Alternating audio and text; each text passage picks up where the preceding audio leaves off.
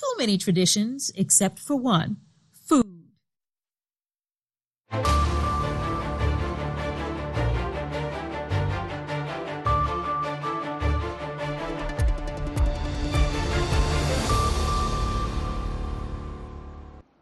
halkani waa washington laanta af soomaaliga ee v o a oo aad ka dhegeysanaysaan muujadaha gaagaaban efimada geeska afrika iyo caalamka oo dhan oo aad nagala socotaan boggeena v o a somaly com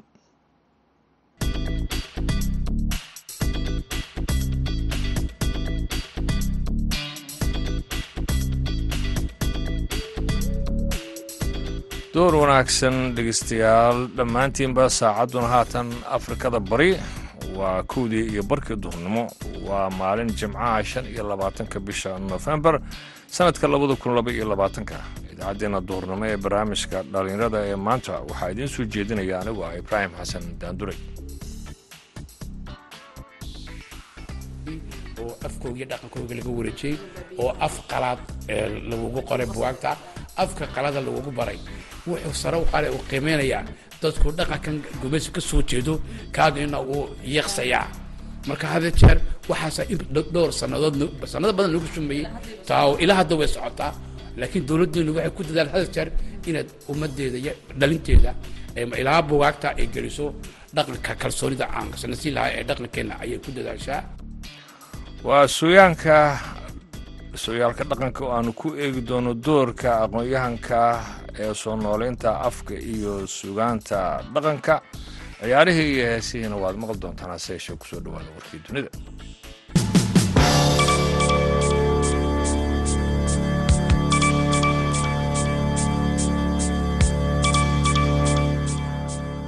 dagaal ayaa lagu soo warramayaa inuu ka socdo deegaanka qayb ee gobolka galguduud sida ay xaqiijinayaan ilo kala duwan oo deegaanka ku sugan kadib markii maleeshiyada al-shabaab ay weerar ku qaaday deegaankaasi oo ay ku sugnaayeen ciidamada daraawiishta galmudug kuwa deegaanka iyo kuwa xoogga dalka weerarkan oo ku bilowday qarax ayaa ilaa ay hadda aan la ogeyn khasaaraha rasmiga ee ka dhashay iyadoo ilo ku sugan magaalada baxdo oo u dhow deegaanka qayb ay v o u sheegeen in cusbitaalka magaaladaasi la keenay dhaawacyo. Warbaahinta dowladda ayaa dhinaca kale waxay sheegtay in ciidamada dowladda iyo kuwa deegaanka ay fashiliyeen saddex qarax oo al-shabaab ay doonaysay in ay ka geysato waxyeelana ay markaasi halkaasi ka geysato. Al-shabaab ayaa hore u burburisay isgaarsiinta deegaanka qayb waana markii labaad ee dagaal u dhexeeyo al-shabaab iyo ciidamada dowladda ee isbiirsaday ay ka qarxaan deegaankaasi in ka badan shan iyo toban kun oo qof ayaa lagu waayey intii uu socday dagaalka dalkaasi ukrain sida ay sheegtay shalay hay'adda caalamiga ah ee ka shaqaysa raadinta dadka la laayahay oo loo soo gaabiyo i c m p hay'addan oo fadhigeedu yahay magaalada heeg ee dalka netherlands ayaa waxaa la abuuray kadib dagaalkii balkaniska ee sagaashameeyadii waxaana ay hadda xafiis ka furatay magaalada caasimadda ah ee dalkaasi ukrain ee kef bishii julaay si markaasi ay uga caawiso ukrain diiwaangelinta iyo dabagalka dadka la laayahay agaasimaha mashaariicda ee hay'addan ee yurub matthew holiday ayaa sheegay in weli aan la ogeyn tirada dadka sida qasabka ah loogu raray meelo kale kuwa lagu hayo xabsiyada ruushka ku yaalla kuwa nool oo qoysaskooda ay kala tageen ama dhintay ee lagu aasay meel aan la ogeyn. Hay'addan ayaa waxa ay sheegtay in howshani ay qaadan doonto sannado xitaa haddii uu istaago dagaalka ka socda dalkaasi ukrain warkiina dhegeystayaal waa naga intaas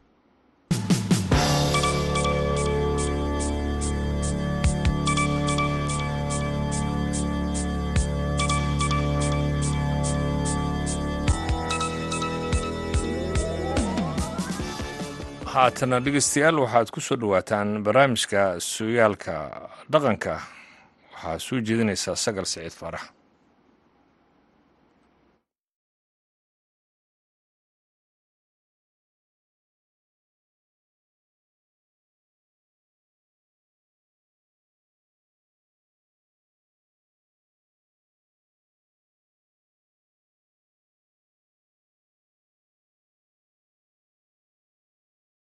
ama aqoon-yahanada ama suugaanleyda africa ee ka dhacay dhowaan jabuuti.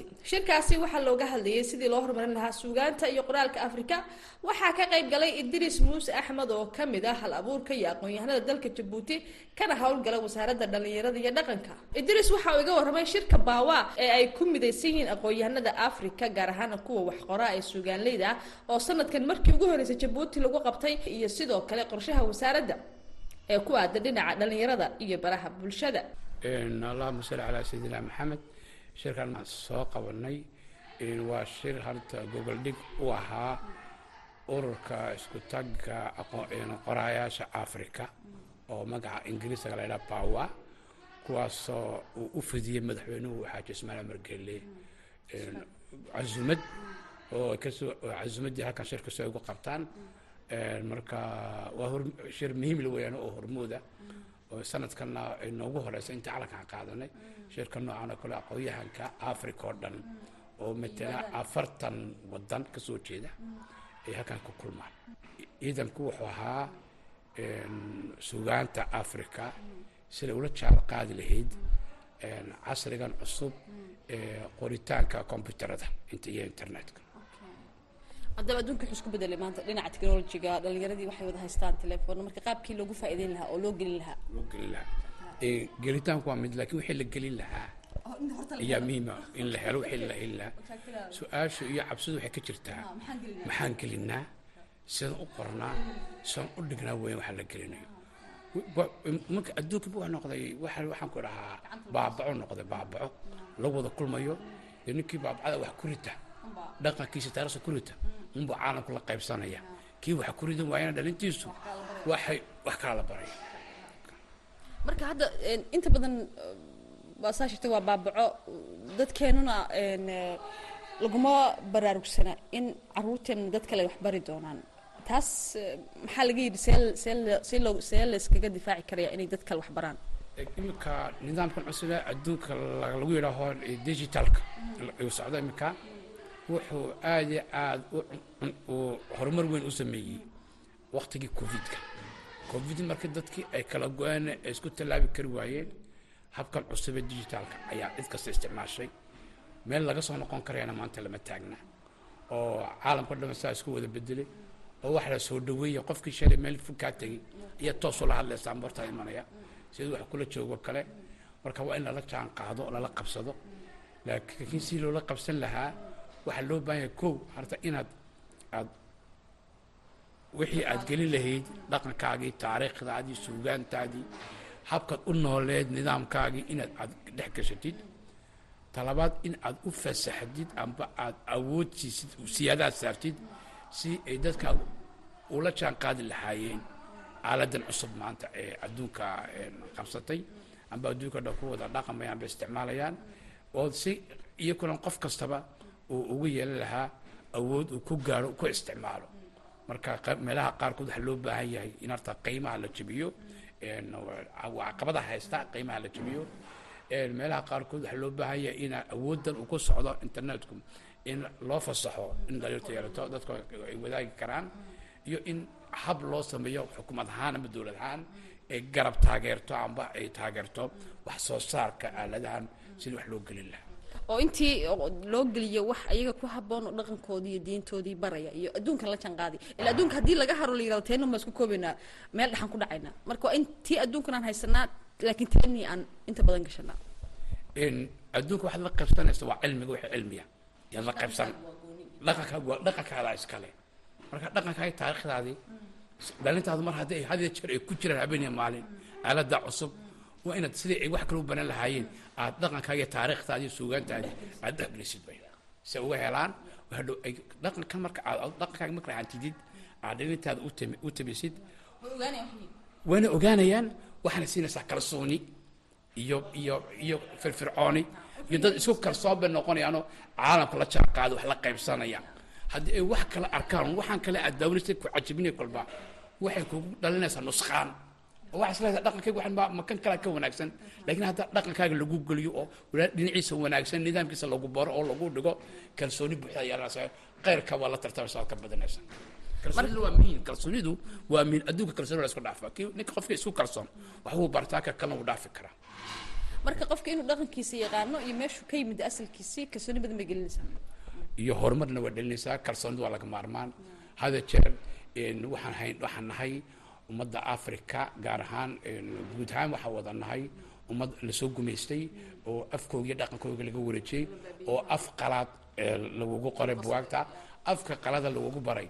Wuxuu sare u qaaday uu qiimeynayaa dadku dhaqankan gumaysi ka soo jeedo kaagina uu yeeqsayaa marka hada jeer waxaasa dhowr sannadood no- sanado badan lagu sumeeyey taa ilaa hadda way socotaa laakiin dowladdeenu waxay ku dadaal hada jeer inaad ummadeeda dhalinteeda ilaa bugaagta ay geliso dhaqanka kalsoonida aan lahaa ee dhaqankeenna ayay ku dadaashaa. Waana halkaana waan ku hambaliyana madaxweynaha oo aabaha dhaqanka dalka. Adigu dhaadu dhaqan baa tahay dhalinyaradu dhaqankiina ka sii baxayaan baa lamada saas leedahay ugu dambeyn waa lagu soo celin karaa dhaqankii dadka soomaalida. Guud ahaan bugaagtaadan waxay jirta inaad farsiis ku qorto. Saas leedahay hal qof u faa- u faa'iideya oo af soomaali ku hadla eh, anigu bugaagtii aan qoray waa de maanta ma maanta ma qorin waa waa bugaag meel hore ka soo jeedo waa dhowr iyo sagaashan kiiba ahayd eh, imika waxaan qoraa waa dhaqanka ka qoraa eh, sheekooyin yaroo gacba ma qor qoraa weli ma weli ma publish garayn hadduu alla idhaa waan daabici doonaa. Hase haatee in wax laga maarmaana oo loo baahan yahay in aqoonyahankeena qoragaaga qoraaga lagu dhiirigeliyo sidii ay dhaqankooda iyo taariikhdooda uga qori lahaayeen maxaa uga samayn lahaayeen mulawaad uga samayn lahaayeen fiction uga samayn lahaayeen. En, taana hada jeer waxay baahi u qabaan waa halkaan ku daabacnaa iyo seed u iibinaa. Laga dadkeenu waxay dhib ku leh haddii qofku buug qoro dadkeenu dad bugaagta iibsada wax akhriya ma. Aha sababtoo ah waxay saa u yihiin lama barin. Waxa weyn anaku habbaan ku soo dhaqnayd berigaanu yarayn waxa loo sameeyey tacliinta waxaa loo sameeyey harta waa maanta halkaan ku jirno waxa weeyaan waa habkii dhaqanka la marinayay oo ciyaalka dhaqanka marka dhalinta buwaagtooda buwaagta dhaqanka lagu dhigo amba macalinku u dhigo amba afka u dhigo amba diinta u dhigo ummad waxay noqonaysaa dhalin jiil dambe koraya weeyaano oo la qabsanaya caalamka dhaqankooga iyo koosita oo xambaarsan qeyrkuna dee iska dhabaya wey ayay noqonayaan marka marka hada jeer halkaa la socdo saacado waxaa la siiyaa dhalinta lagu baraarujiyo dhaqankooda iyo taariikhdooda sida looga sheekeeyo oo ge- geesiyaashoodii iyo suugaantoodii oo afkii hooya ayaa la bara saacada maalintii hadday noqoto nusa saaco way ku filan tahay. Oo saacada dambe talabaadna waxaa la jeclaysiiyaa buwaagta yaryare carruurta waxaa loo baahan yahay ee sheekooyinka ka sheekeeya laga gaagaaban in dhalinta markay afar shan jir yihiin lix jir ilaa toban jir la baro. lagu baraarujiyo taasna waxay ku fasaxaysaa in dhalintu ay ku bartaan caruurtu ku bartaan iskoolada akhriska tobanka midho ugu dambeeya macalinka u dhigay surtuu gaar ahaan iskoolada hoose tobanka midho ugu dambeeya hadduu nin kasta qof kasta buug hala soo baxo ha akhriyo berina ha iga sheekeeyo beri tolena waa halkiiba laga sii waday oo sawirkiina loogu daro. Sawirka laga maarmaan xoolihii dhaqankii geeli baadiyihii kalum- ka- in- in fisha kalluumadii waxaa lagu daro. Waxyaalo badan ayaa isbedelaya. En, waa run weeyaan baadiyan inta badan. Baadiyaha de kolleyba anagu de wasaaradda ta- dhaqanka haddaan nahay waxaan ku- tala jirnaa dhowaan hadduu alla idhaa inaan sameyno baadiyo dib u soo nooleyno oon oon dhalinta baadiyaha u saarno oo dhaqan celin la sameeyo la idhaaho Taasina mid bay noqon.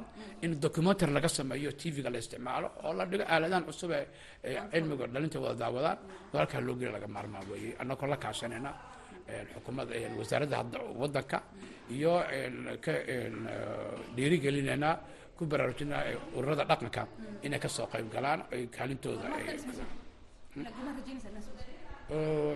laba kun baraaga ku jirtaa laba kun iyo saddex labaatanka oo insha allah haddii waqtiga noo saamxo in wasiiradda qorsheyga uu ugu jira banalka maxaad maanta ka faa'iiday shakhsi ahaantaada walaahi kulankan maanta ee abwaaniinta iyo qoraaga africa kulan muhiimadiisa culayska sale buu ahaa. Wuxuu noo soo noo fursad noo siiyey inaan aqoonyahan badan oo africa taariikh leh oo buwaag badan qoray aan la kulanno. In afkaar isweydaarsi ay dhex marto aqoonyahanka iyo aqoonyahankeenna inay caalamka africa gaar ahaan geeska africa amba africa guud ahaan ay la jaan dhinaca qorayaasha ay la socdaan iyakuna afkaartooda iyo qaybtoodana ay ka soo dhiibtaan ula qaybsamaana suuqa risaalada buwaagta iyo akhriska buwaagta oo buwaagteena loo tabiyo waddamada kale ee africa amba annagoo si dhex marana ururadan sida ay u bartaan suugaanteena ku qoran.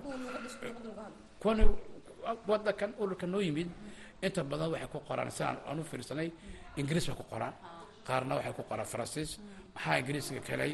Waxa weya waxa markaa taarikhda dib aan ugu noqono wadamadii ugu horeeyey ka dhiidhiyey gumaysiga wax bay ahayn wadanka gaana la yidhaaha iyo nigeria ay ahaayeen oo ninkii madaxweynihii kwama kruma ayaa hadda jeer iyo aqoon-yahankii kale odaygii madaxweyne cesar iyo leopold ser sangor oo dadkii hadda jeer ka dhi'ay gabayaashii sugaanta qori jiray qalinkooga isticmaaleen si ay u maaragtay gumays heryada gumaysiga ay iska gelgidaan dhaqankoogana badbaadiyaan. Sababta markaad aad afkaaga isticmaashid iyo qoraaga isticmaashid waxaad ka dhiidhiyeysaa gumays heryada gumaysiga ummadaadina waxaad ku dhiirigelinaysaa sida madax baanoo heli lahaayeen qoraalkan u qaadan lahaayeen adduunkan wax la qaybsan lahaayeen qoraalku waa muhiim. Wax kaste lafdhabarta hadalkeenu inta badan dhaqankeenu wuxuu ku salaysan waa hadal waa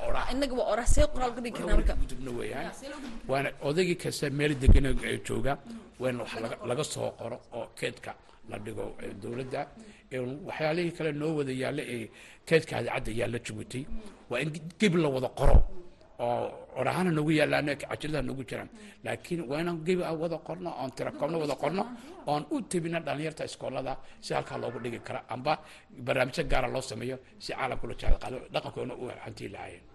Luuqadahan kale dhaqankoosa iskaga reebi karnaa markii luuqado kale ku hadalno luuqadahana jabuuti oo kale faransiiskii carabiga ingilishkii luuqad kasta waxaa tii dhaqan bay wadataa. See dhaqankii iyo luuqadii loo kala reebi karaa de waxa weeyaan luuqadahan ajaanibku dowlado iyo oo shisheeye ayaa siyaasad u isticmaalaya si dhaqankooga. Horumar afka markay ku baraan dhaqankooga iyay ku soo dhex maranayaan dhaqanka ku barayaan. Marka niyadaadiiyo maskaxdaada ayay hantiyayaan marka waa marka maxaa kugu beeraya? Markaad ina wadanka shishaa jeclaanaysaa abwaaniis baa jeclaanaysaa kuwaagana way kaa jeedinayaan marka waa ina sidaa ay samaynayaan marka waa inaad culeyskaa iyo weerarkaa si joogtaan lagu hayo waa inaad jawaabteen iyo dhalintan u diyaarino oo gacma la iswada kaashado wixii wasaarada ee ka jira wadanka wasaaradda dhalinta iyo dhaqanka anako weliba dhaqanka iyo harta madaxweynuhu wanaga u shaqo badan. Markuu wuxuu iskugu isku keenay dhalinta iyo dhaqanka. Siyaasad iyo ujeedo dheer buu ka leeyahay.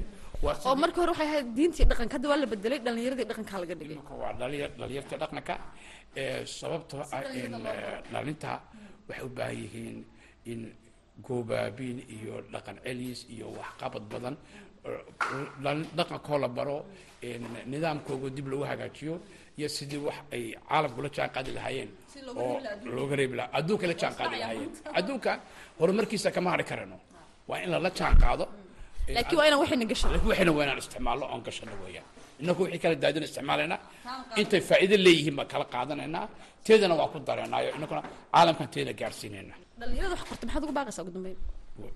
dhalinta reer jabuuti weliba gaar ahaan qoraayaasha in ay isku taxaluujiyaan sidii qoraalada ay dhalinta ugu soo gudbin lahaayeen ee isku dayi lahay in guud ahaan in ay dhaqankooga wax ka qoraan dhaqanka wax ka qoraan. Maanta nasiib wanaag waxna haysanaa professoro jaamiciin cilmi baare oo jaamacadaha caalamka ka soo baxo ama jaamacaddina ka soo baxay waan dhan wax kasta maanta waan haysanaa. Qoritaankii waa diyaar ba loo yahay. Gargaarkii waxaan siaad ogtahay madaxweyne buag badan oo ku salaysan. Afafka hooyo dhaqan ahaan iyo taariikh ahaanba aad iyo aad buu u dhiirigeliyay uu daabacay uu ka gargaaray. Ha noqoto reer jabuuti amba reer soomaaliya ha noqoto aad iyo aad buu u caawiyey. Waana ku mahadsan yahay waxyaalo badanna dhinaca uu ka qabtaayo waan ugu madnaqaynaa boqol kiiba boqol. In aabba halkaa ka sii wad baan leenahay. Dadaalkaaga halkaa ka sii wad annakuna maaragtay dadaalkaaga khasaare mayne annakuna intii mas'uuliyadda naga saaran baan sii wadaynaa wasaaradka ahaan iyadoo wasiiradda hiba muumin xaso wasiiradda dhaqanka iyo dhalinta ay tahay qof aqooyahana iyaguna buag badan qortay. Way macalimad oo dareensan dhibaatada iyo jirta meesha iyo wixii baahin loo qabo si digda sida dhalinta afkooga iyo dhaqankooga loogu gudbina loo bari lahaa. Guud ahaan dhagaystayaal waa naga intaha barnaamijkeenii sooyaalka dhaqanka. Toddobaadkan waxaa marti iigu ahaa idris muuse axmed oo ka mid ah aqoon-yahanada waxqorta ee jabuuti kana howlgala wasaaradda dhallinyarada iyo dhaqanka ahna dhaqan yaqaan waxaa barnaamijka idiin daadahaynaysay anigoo asagan siciid faarax tan iyo intaynu mar kale ku kulmi doono. Haddii eebaha awoodana laga helo barnaamij noocan iyo kale ah inta ka horeysa waxaan idin leeyahay amaano alla halkaa dhegeystayaal weli nagala socotaan. Waa laanta af soomaaliga ah ee v o a oo idinka ka imaaneysa washington. Haatanna waxaad ku soo dhowaataan xubintii ciyaaraha. Waxaa soo jeedinaya nuur xasan nuur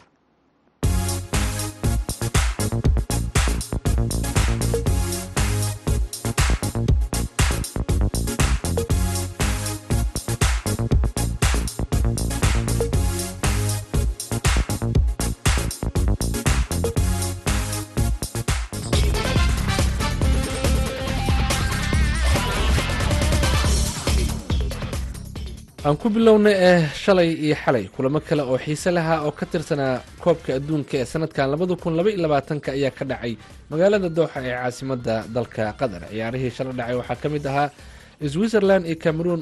Hal iyo ibar waxay guusha ku raacday xulka qaranka ee switzerland goolka waxaa switzerland u dheliyay ciyaaryahan bril imbolo oo asal ahaan ka soo jeeda dalka cameroon hase yeeshee ku koray heestana dhalashada dalka switzerland uruguay iyo south korea eber iyo eber ayay ku kala baxeen xalay fiidkiina bortuqiiska ayaa la ciyaaray ghana. Waxaa ciyaartaasi daawanayay iyo weliba ciyaarta ka dambeysay ee brazil iyo serbiya wariyaha v o eda cabdulqaadir maxamed mursal samakaab oo hadda khadka ku jira. Samakaab haddii aan ku hormarno ciyaartii ghana iyo bortuqiiska bal ka waran natiijada ka soo baxda. Waa mahadsan tahay nuur. Ciyaartaas waxaa la dhihi karaaba mid ka mid a ciyaarihii waaska ee dhacay tan iyo intii uu world cupka ama koobka adduunka furmay weliba ciyaar xamaasad leh oo weeraradeeda isku dheelitiran yihiin ay ahayd sidoo kalena xulka ghana maadaama xulalkii africa runtii laga soo badiyey waxaa waxaa laga filayay inay wax weyn la yimaadaan garoonka waxaana ay runtii noqdeen xulkii ugu horreeyey afrikaan ah ee koobka adduunka gool ka dhaliya markii ay goolka barbaraha ay ka dhaliyeen xulka portugal laakiin ciyaartaasi waxaa gool dhaliyey christiano ronaldo. Rigooro ayuu ahaa rigooro oo la dhihi karo daciif ayay ahayd oo muran ayay ka dhalatay marka loo fiiriyo qaabka rigoorada loo galay.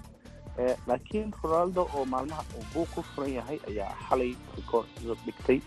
Shan koob adduun ayuu noqday ninkii ugu horreeyey ee goolalka dhaliya marka ciyaartaasi waxay ku soo dhammaatay saddex iyo laba xulka gaara waxay awood u yeesheen inay laba jeer ay soo taabtaan shabaqa xulka bortuqal oo haysta qaar ka mid a ciyaartooyda ugu wanaagsan ee caalamka.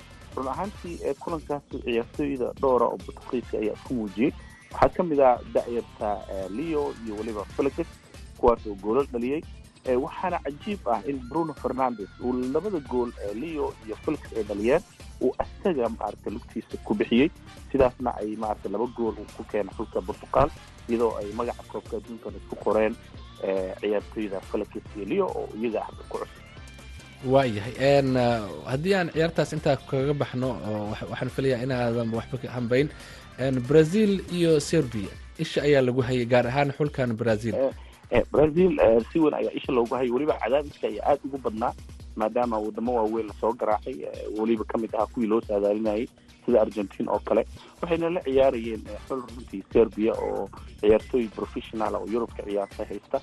Marka sidaas daraaddeed isha ayaa lagu wada hayay cadaadiska ayaa ku badnaa. Ciyaartooda aad ay u ficneed ciyaar fiican ay soo bandhigeen. Xulka serbia wuxuu u muuqday xul qaab difaac ahaan u abaabulan. Brazilna weerar ayay ahayd. Qaybtii horena eber eber ay ku dhamaatay.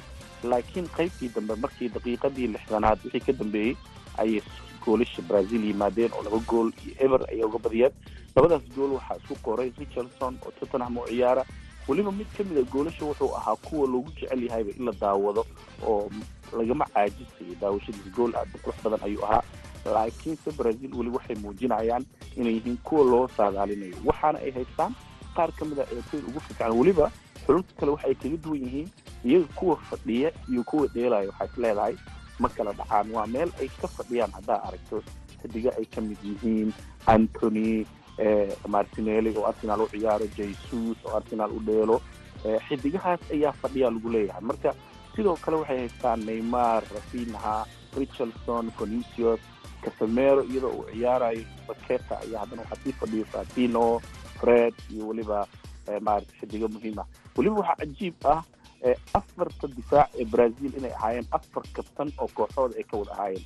Marka taas waxay ku cadaynaysaa inay yihiin ciyaartoy xitaa cadaadiska xamili karta oo qolka labiska marka la tago waa xulka waxaa la dhihi karaa ugu hogaamiyaasha badan.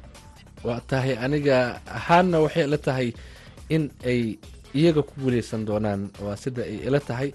Barnaamij kale ayaan kaga hadli doonaa cabdiqaadirow cidda ku guuleysan doonta maaragtay koobka adduunka ama loo saadaalin karo laakiin ciyaaraha maanta dhici doono haddii aan dul maro iyo caawaba waxaa ka mid ah qatar iyo senegal holland ecuador ayay la ciyaari doontaa. Ingiriiska iyo maraykankana caawa ayay fooda isdari doonaan. Dhegeystayaal natiijooyinka ciyaarahaasi oo dhan idaacadaheena soo socda ayaad ku maqli doontaan.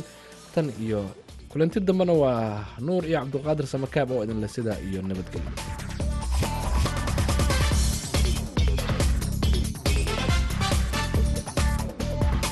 intaasna waxaa ku dhan barnaamijkii ciyaaraha haatana dhegeystayaal. Waxaan jaleecaynaa dhankii muusiga. Waxaan idiin soo qabtay heesta axad waxaa qaadaya xasan aadan samatar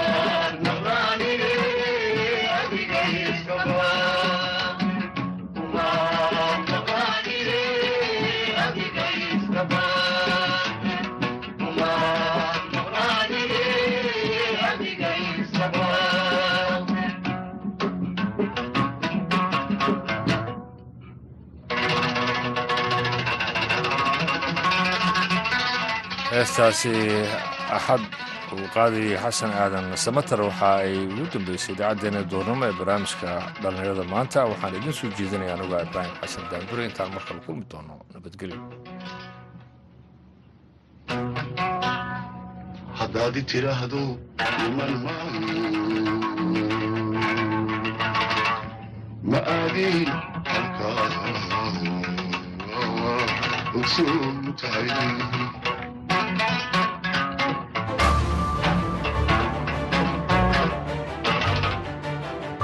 haddaad i tidhaahdo iman maayo